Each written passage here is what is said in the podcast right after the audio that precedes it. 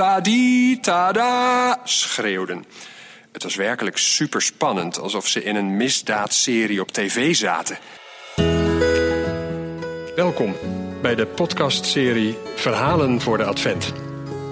Het is een donkere tijd, maar gelukkig is het Advent. Laten we deze vier weken voor de kerst nou eens gebruiken om elkaar verhalen te vertellen. Voor jong en oud. Goeie of ontroerende of grappige, maar in ieder geval lichtgevende verhalen. Net wat we nodig hebben. De drie wijzen uit Oost. Een verhaal van Karel Eijkman. Ze stonden met z'n tweeën wat te hangen bij het hek van het Oosterpark.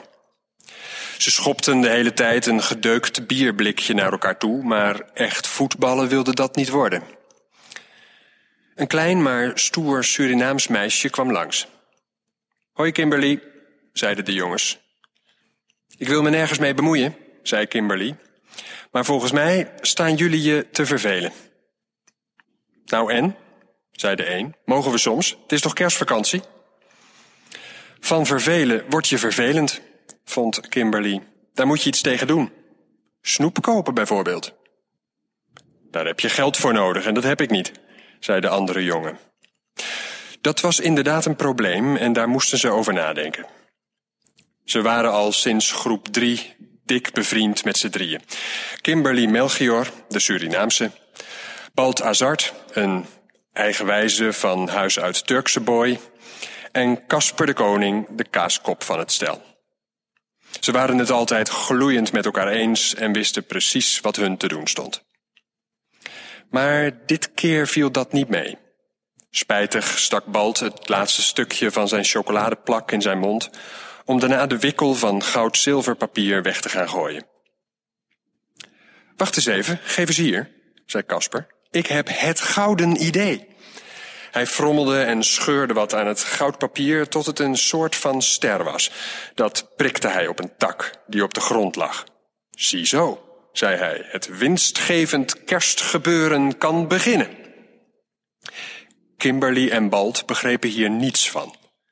Kijk, zei Casper. Met de kerst lopen er altijd drie koningen achter een ster aan om het kinderke Jezus te zoeken. De wijzen uit het oosten worden ze ook wel genoemd. En wij, wij zijn drie wijzen uit Oost. Ja, toch? Wat heb ik daarmee te maken? zei Balt. Bij mij thuis doen we niet aan kerst of Jezus. Daarom kan je er nog wel aan verdienen, zei Kimberly. We verkleden ons gewoon als de wijzen uit Oost en halen dan geld op voor het kinderke, zogenaamd. Kat in het bakkie, zo gepiept. We moeten er wel een goede slogan bij hebben, zei Casper. Dat verkoopt beter. Bijvoorbeeld, geef maar een heleboel.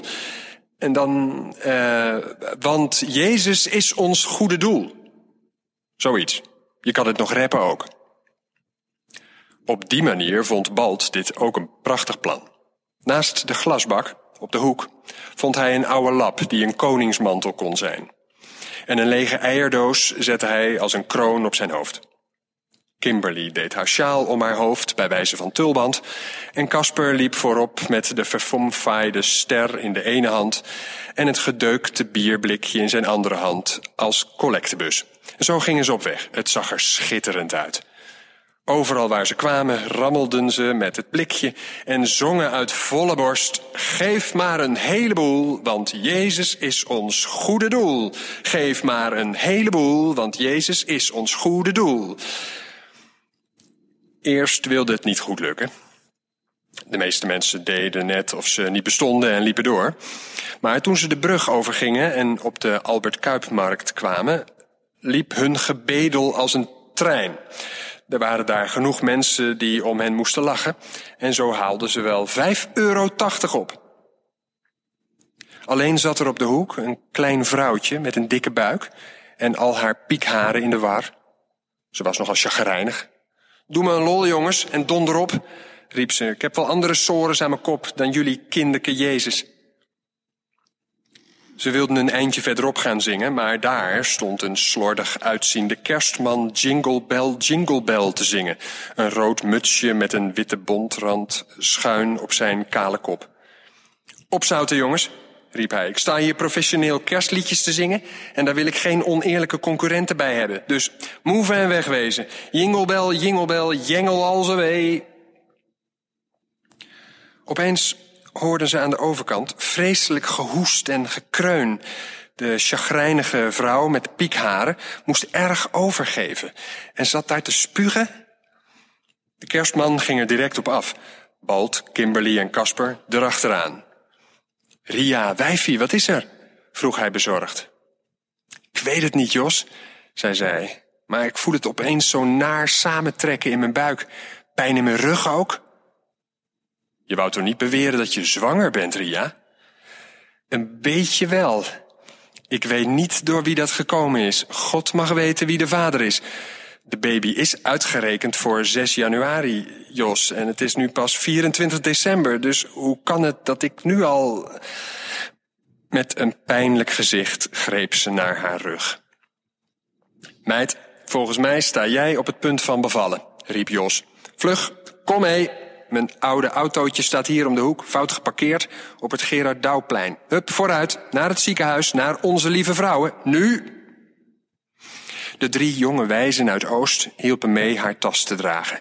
Zij mochten ook mee in de roestige Volkswagen van Jos, om de weg te wijzen en het ambulancegeluid te verzorgen. Jos scheurde meteen full speed boven de maximumsnelheid door de straten, terwijl de drie achterin door de open raampjes voortdurend tadi tada schreeuwden. Het was werkelijk superspannend, alsof ze in een misdaadserie op tv zaten. Ze kwamen aanrijden tot vlak voor de draaideur van het Onze Lieve Vrouwen gasthuis, pal tegenover het Oosterpark. Jos duwde Ria zo snel mogelijk naar binnen en naar boven met de lift. De kinderen mochten niet mee, die moesten in de hoge hal beneden zitten wachten. Dat duurde wel erg lang. Er lag daar op tafel alleen een privé met Patricia Pai erop.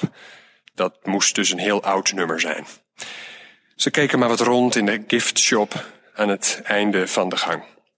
Van hun opgehaalde geld kocht Kimberly een knuffelezeltje voor de nieuwe kleine. Balt vond babyspulletjes maar niks en kocht een marsreep. Wat hij zelf het lekkerst vond, wilde hij het kinderke geven, de schat. Casper kocht een monsterflesje nep parfum van Nep Chanel. Tegen de stank, zei hij, als hij een vieze luier heeft. Het was al avond geworden toen Jos eindelijk grijnzend de lift uitkwam. Bingo, riep hij. Het is een jongetje geworden. Kom gauw mee. Zo brutaal als ze anders waren, zo verlegen waren ze, nu ze de kraamkamer binnenkwamen. Op een hoog bed lag Ria, moe en trots te wezen. Naast haar een ijzeren bedje waar een enorm geblair uitkwam. Wat een herrie maakt die gozer, hè? zei Ria. Die is niet op zijn mondje gevallen. De mensen zullen nog veel van hem horen, zeker weten. Laten de hoge heren maar uitkijken. Dit sterke kind komt eraan. Ze keken alle drie dat bedje in en zagen alleen maar een klein rimpelig koppie. Kimberly legde haar ezeltje erbij. Balt stond zijn marsreep af en Casper gaf zijn parfum plus daarbovenop de verkreukelde ster. Dit waren geen cadeautjes meer, dit waren geschenken. Een ezel, lekker hapje, lekker geurtje en wat goud van de onwijze wijze uit Oost. Krijg nou wat, riep Kimberly en ze wees naar buiten. Daar boven de flats staat een ster te knipperen. Wel nee joh, zei Balt. Dat is het knipperlicht op de Rembrandt kantoortoren om vliegtuigen te waarschuwen. Even zo goed is het een mooi gezicht, zei Ria.